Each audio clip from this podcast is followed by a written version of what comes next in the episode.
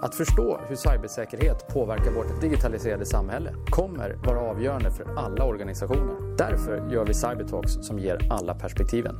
Jag heter Rolf Rosenvinge. Välkommen!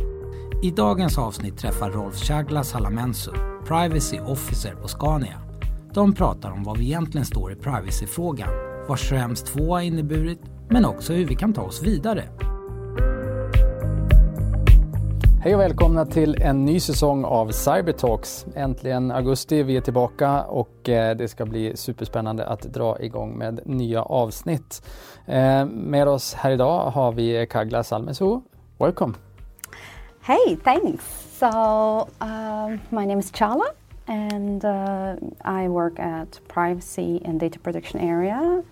Uh, currently, I'm working at Scania and I'm actually quite excited to be part of this super happy to have you here. So welcome, and um, and so and for the listeners maybe so we've we've had previous episodes uh, over a year back now. Uh, I think also on, on privacy, but it's it's an it's a constantly developing area. We were just having coffees before here and, and, talked about that. This is actually an area that you have to follow closely, and there's been a lot going on since we had that conversation last time over a year ago. Um, so I thought it was a good idea to kind of bring a new subject matter expert on board and, and just get us updated on, on where we're at. So um, super excited to have you on.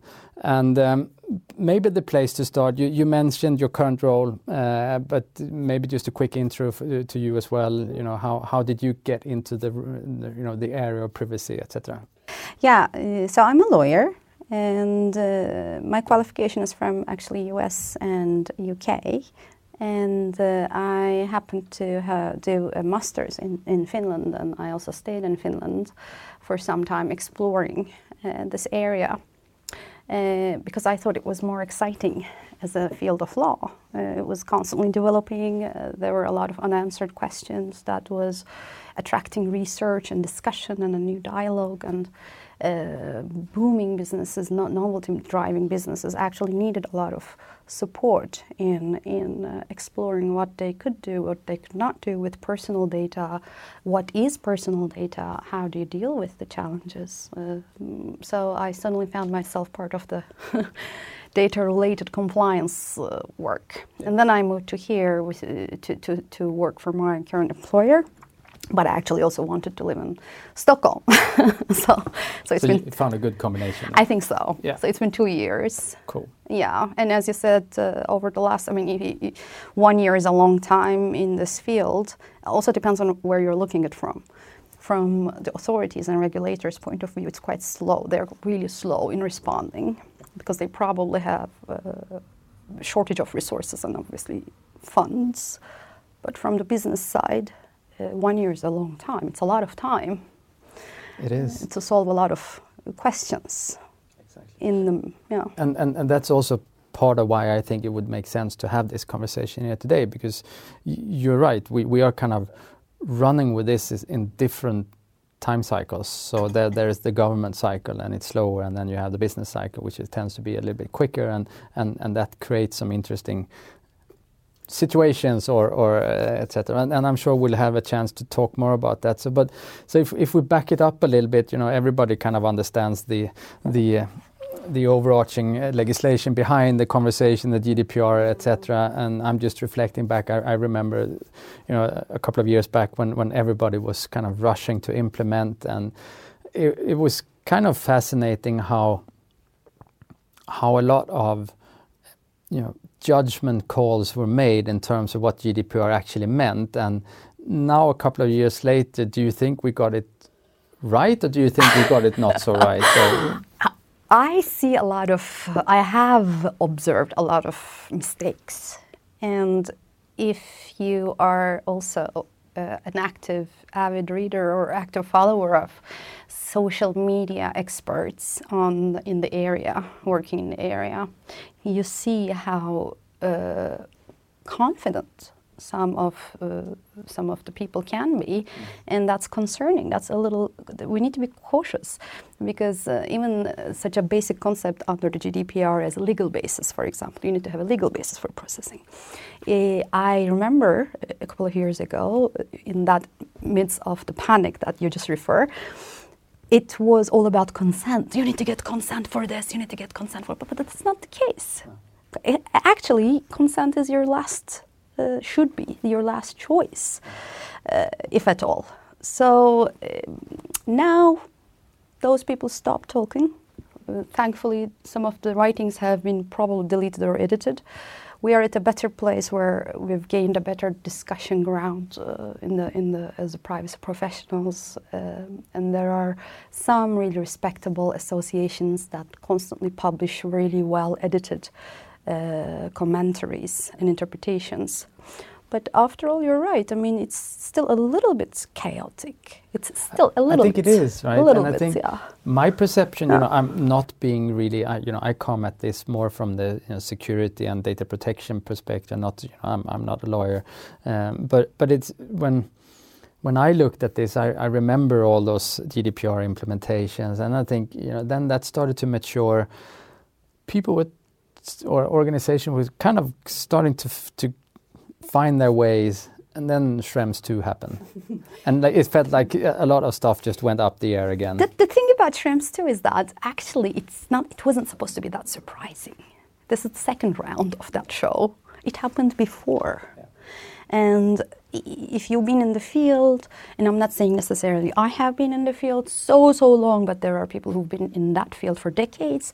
They were expecting that anyway. Yeah. So And maybe for the listeners, maybe we Yeah. should uh, just elaborate a little bit what the Schrems 2 ruling actually was. E- Exactly. I actually should. You're right. Um, Schrems two was uh, there is it's, it's a court judgment. Basically, we're referring to uh, that came out in 2020 July, uh, which invalidated a, a data transfer mechanism. Uh, to the United States from the EU. Now, that data transfer may not uh, have to be so obvious. It could be in the form of comfortably using a massive US supplier in your EU businesses. That would, by definition, entail a data transfer. And if that uh, supplier relied on something called Privacy Shield, that would not be valid anymore as of 2020. And this has a lot of practical and, and, and, and uh, legal uh, consequences for businesses. But again, this happened before, something co- co- called safe harbor we had. And that was out of the uh, radar. And then we've got the privacy shield. And these creative names are, are really, really nice because they stick. so privacy shield is now invalid. And uh, we're going to uh, maybe have a new mechanism. Maybe there's going to, going to be new collaboration, cooperation uh, agreements with the US. But what so what was it that what was the actual concern? Why why why was uh, Schrems two the the ruling put in place? What what is it really that the court was so afraid of with that dan- uh, data transfer? Oh, that's a good question. and that's actually the essence of yeah, uh, what is the real problem? So we have a, a, a lawyer slash civil rights activist from Austria called Max Schrems. Uh, very vocal, has been very vocal about uh, how much United States law enforcement, intelligence, na- uh, surveillance uh, forces are uh, trumping upon civil rights of the individuals to privacy uh, uh, from the revelations of the PRISM.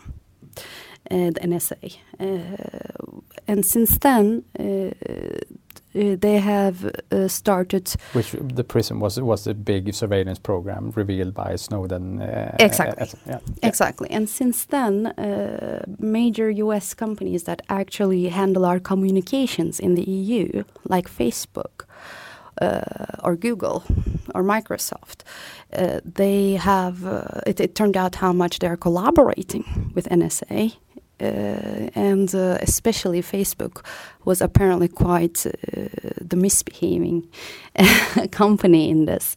And so Max Schrems started challenging um, Facebook's behavior uh, against, uh, so jurisdiction would be on Facebook Ireland.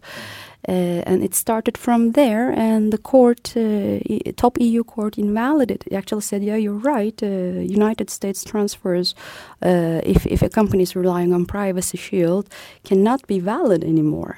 It's not. It doesn't offer sufficient protections." And what led them to that conclusion, and, and I assume, and, and, we are throwing a lot of you know Schrems and uh, different names and, and Privacy Shield and all this, and here's another one. So so uh, I assume, uh, at least this is my perception. I assume that part of that uh, that discussion also originated from the concern over you know the FISA legislation in the U.S., where essentially intelligence uh, entities can request from a court to be able to collect on individuals, etc. And those rulings may be confidential or secret. Absolutely. So, and and th- so surely yeah. that, that was a big part of mm-hmm. that concern, mm-hmm. right? Absolutely. I mean, the, the, the biggest concern, as you described, was something called FISA 702. Uh, which uh, Foreign Intelligence Surveillance Authority, basically FISA, uh, it allows uh, United States law enforcement to, without explaining, without much transparency, to go in and require data on anyone, anyone in the world. The problem is they don't have to be suspect of terrorism. They don't have to be a threat to national security. So basically, in, in a democratic and liberal society uh, or in a government, we have checks and balances, and you have uh, if law enforcement is accountable on their actions. Uh, however, if you remove everything under the shield of national security and say, "Hey, I, we can't explain, therefore we cannot fulfill transparency," then you can do anything and then your the balance of uh, checks and balances is, is, is distorted. So, U.S.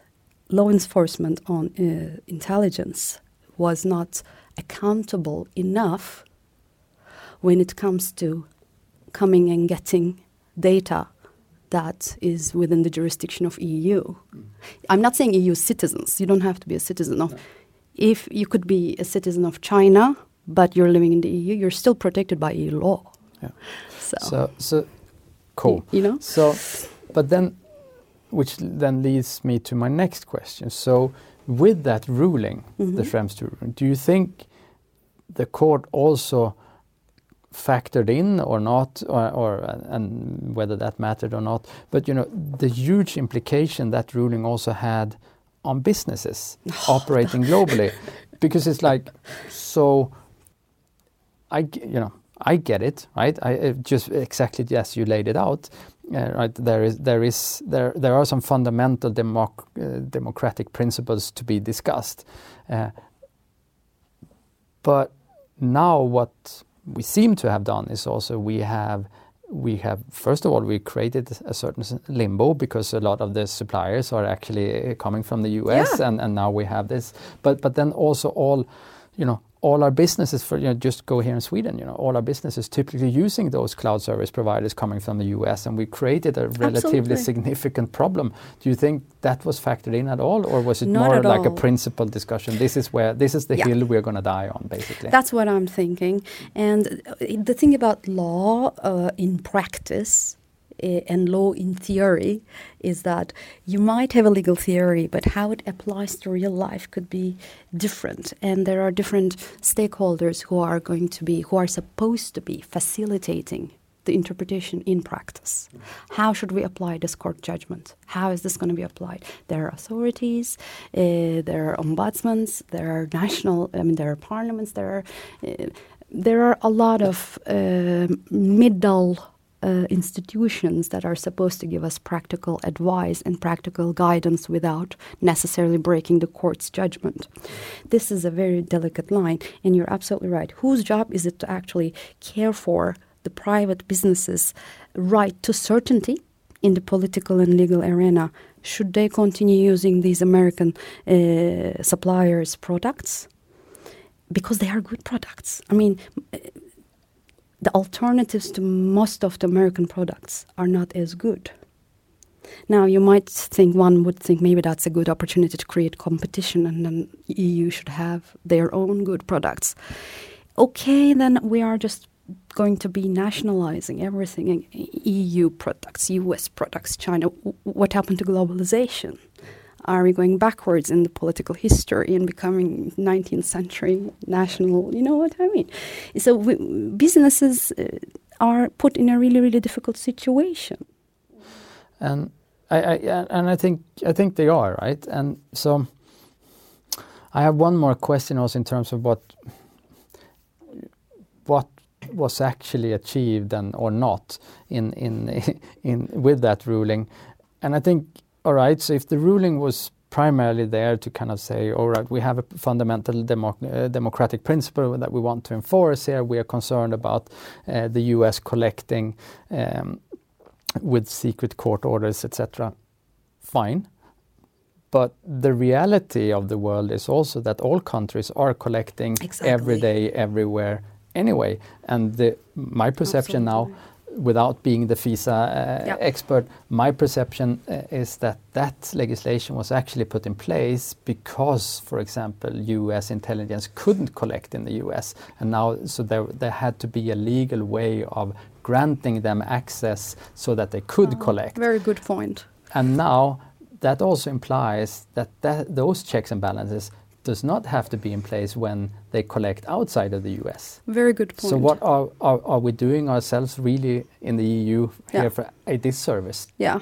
Very good point, Ralph. I mean, I think this is a we all uh, legal professionals or not. We need to pause and think about this uh, because uh, are we blindly in a tunnel trying to hold the upper moral ground in the civil liberties and democracies by virtue signaling and saying, hey, we want respect to privacy, okay? But how? And what is the smartest thing to do? And at what cost also? Because we are a connected world. And what does it mean if we actually pull all the data st- uh, storage servers to the EU instead of US? Are we going to be actually uh, putting ourselves to a lighter jurisdiction? Uh, we need we need more analysis on that. I mean, I don't actually have an answer to it because there are different uh, aspects to it. If you're if you're not a U.S. citizen, you are not benefiting from the protections granted under the U.S. Constitution, for example.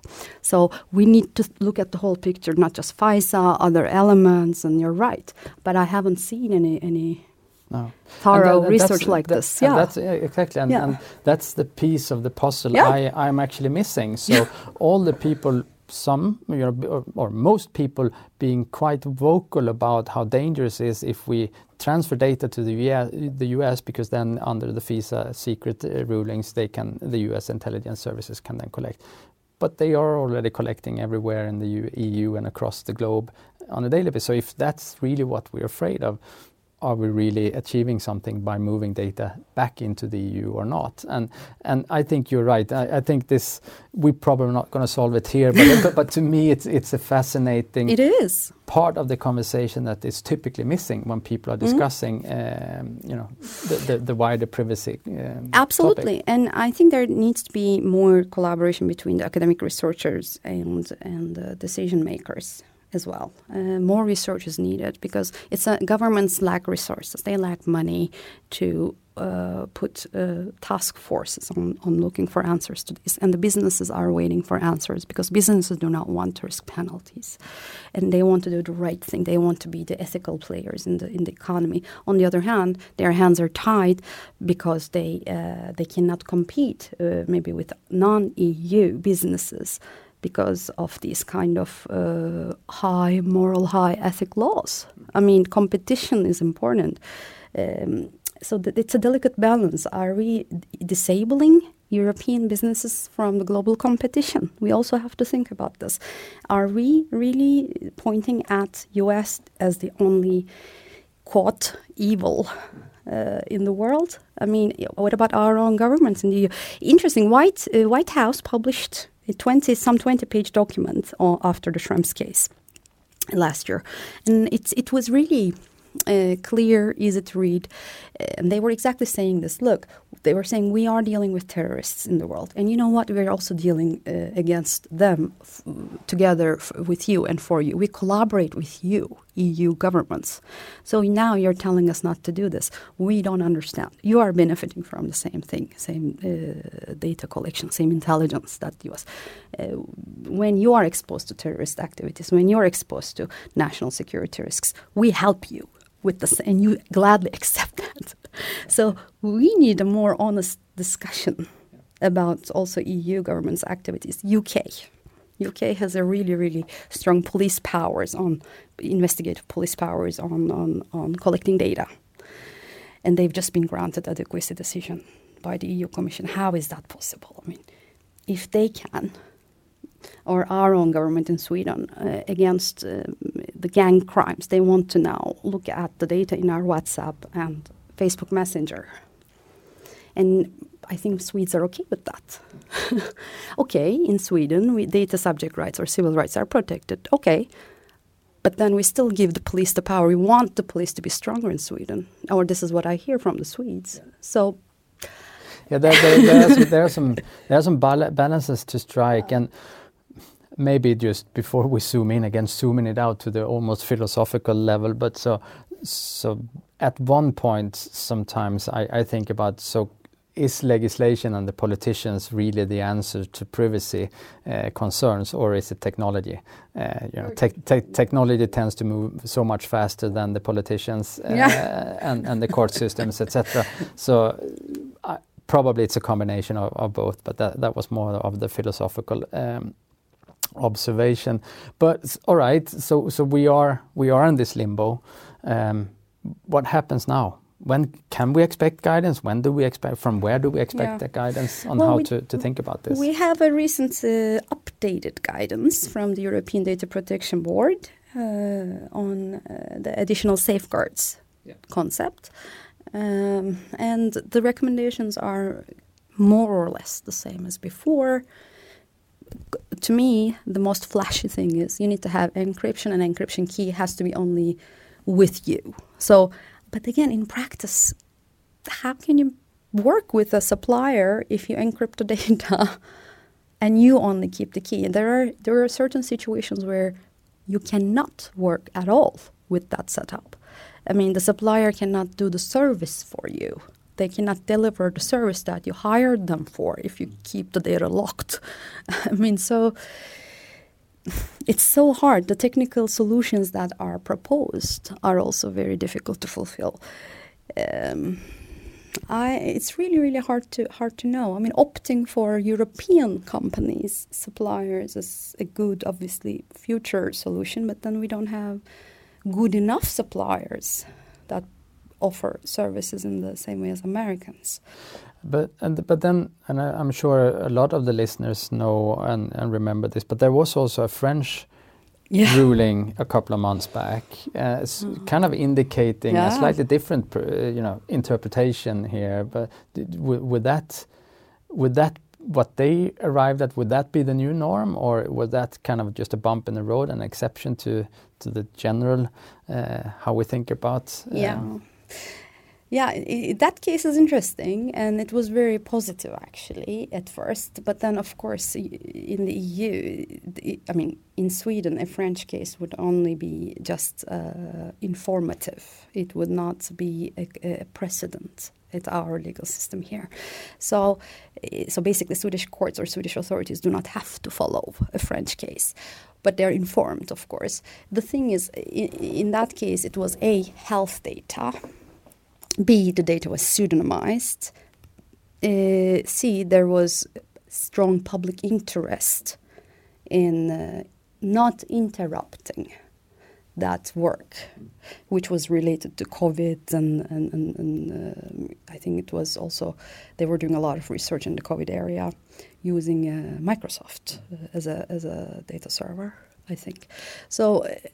I think, I mean, the court's rationale in finding that did not violate the Schrems ruling was that a strong public interest in the current medical situation, medical crisis in the world, and, and they are doing their best to, to pseudonymize the data. Uh, but also they are using Ireland. They're not sending it off to the US. That's what they said. Mm.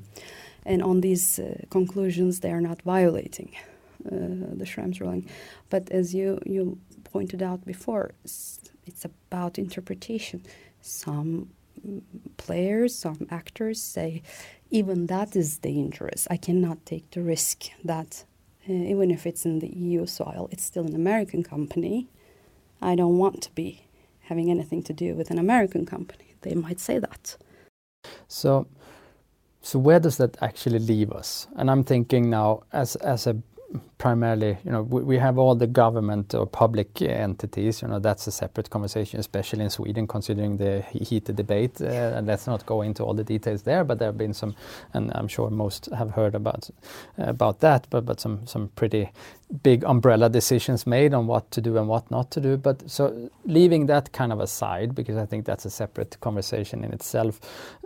So where does that leave a private business today? Mm. And should should it simply be then considered that considering that there are so many uncertainties, it's actually more about making up your own mind, documenting that, and say this is this is where we stand, and this is the rationale why we are standing where we're standing, and and if if there comes a court order or a ruling or uh, new guidance, of course we'll update our position, but this is where we're at, and just simply take such a uh, that's position. Very, exactly, that's how it is. And businesses uh, should always remember that this is a balancing act. I mean, if you are a small business and you don't have resources to constantly redocument and rewrite agreements or rewrite certain things or reshape, and if you are not the, if you attract authority review, the authority has to take into consideration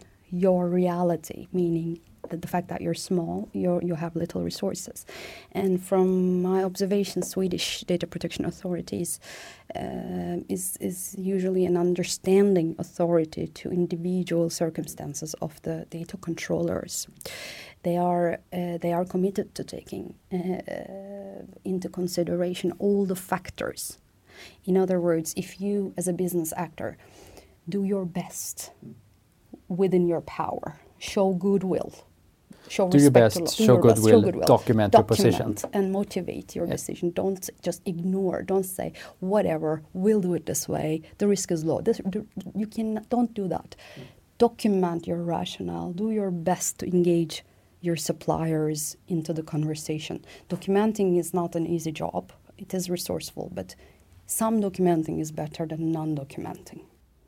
And and isn't that just by doing it how you describe? Isn't that simply also you know how to run a business anyway? You navigate uncertainties. Exactly. That's what you do, right? Yeah. And and sometimes you have to make hard choices, but you document them. You yeah. do it to the best of your and ability. Minimize. And and and and it's not because you you are not concerned about privacy. It's not because you don't want to do the right thing, but if there is uncertainty, you have to form your own position. You document that, and, and, you, and you're and you're ready to communicate that and the rationale behind it.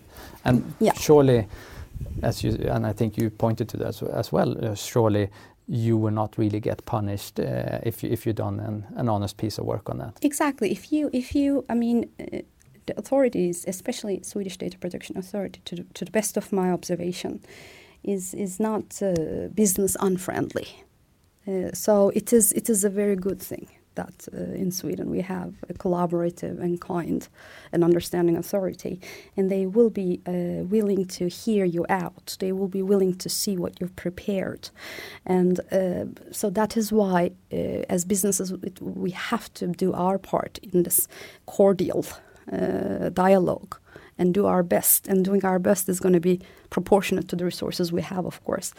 But a simplest start point, apart from documenting, would be minimizing. Don't try to amass as much, as much data as possible. I know in the AI world, everybody wants as much data as possible. But balancing that, really collect or use only the data that you need, you really need, and you really need can explain Otherwise, I think that's the key. Yeah. that you actually can explain yes. that you need for yeah. which purposes. Yes. So, yeah. Yes. Makes that sense. is key. If you can stick to that principle, your ethical boundaries will be really, really clear. and uh, and it will be really hard for you to get penalized for smaller mistakes or smaller uh, points. But I mean, yeah, these are exciting times. They are, and and and time flies. So it's um, and. I'm sure you are aware, but you know we always ask uh, the guest to to come with a, a proposal on on something that has either informed or, or inspired uh, you. It can be directly privacy related. It can be uh, inspiring in somewhat uh, other way. I'm, I'm of course also interested to hear what you what you're bringing here.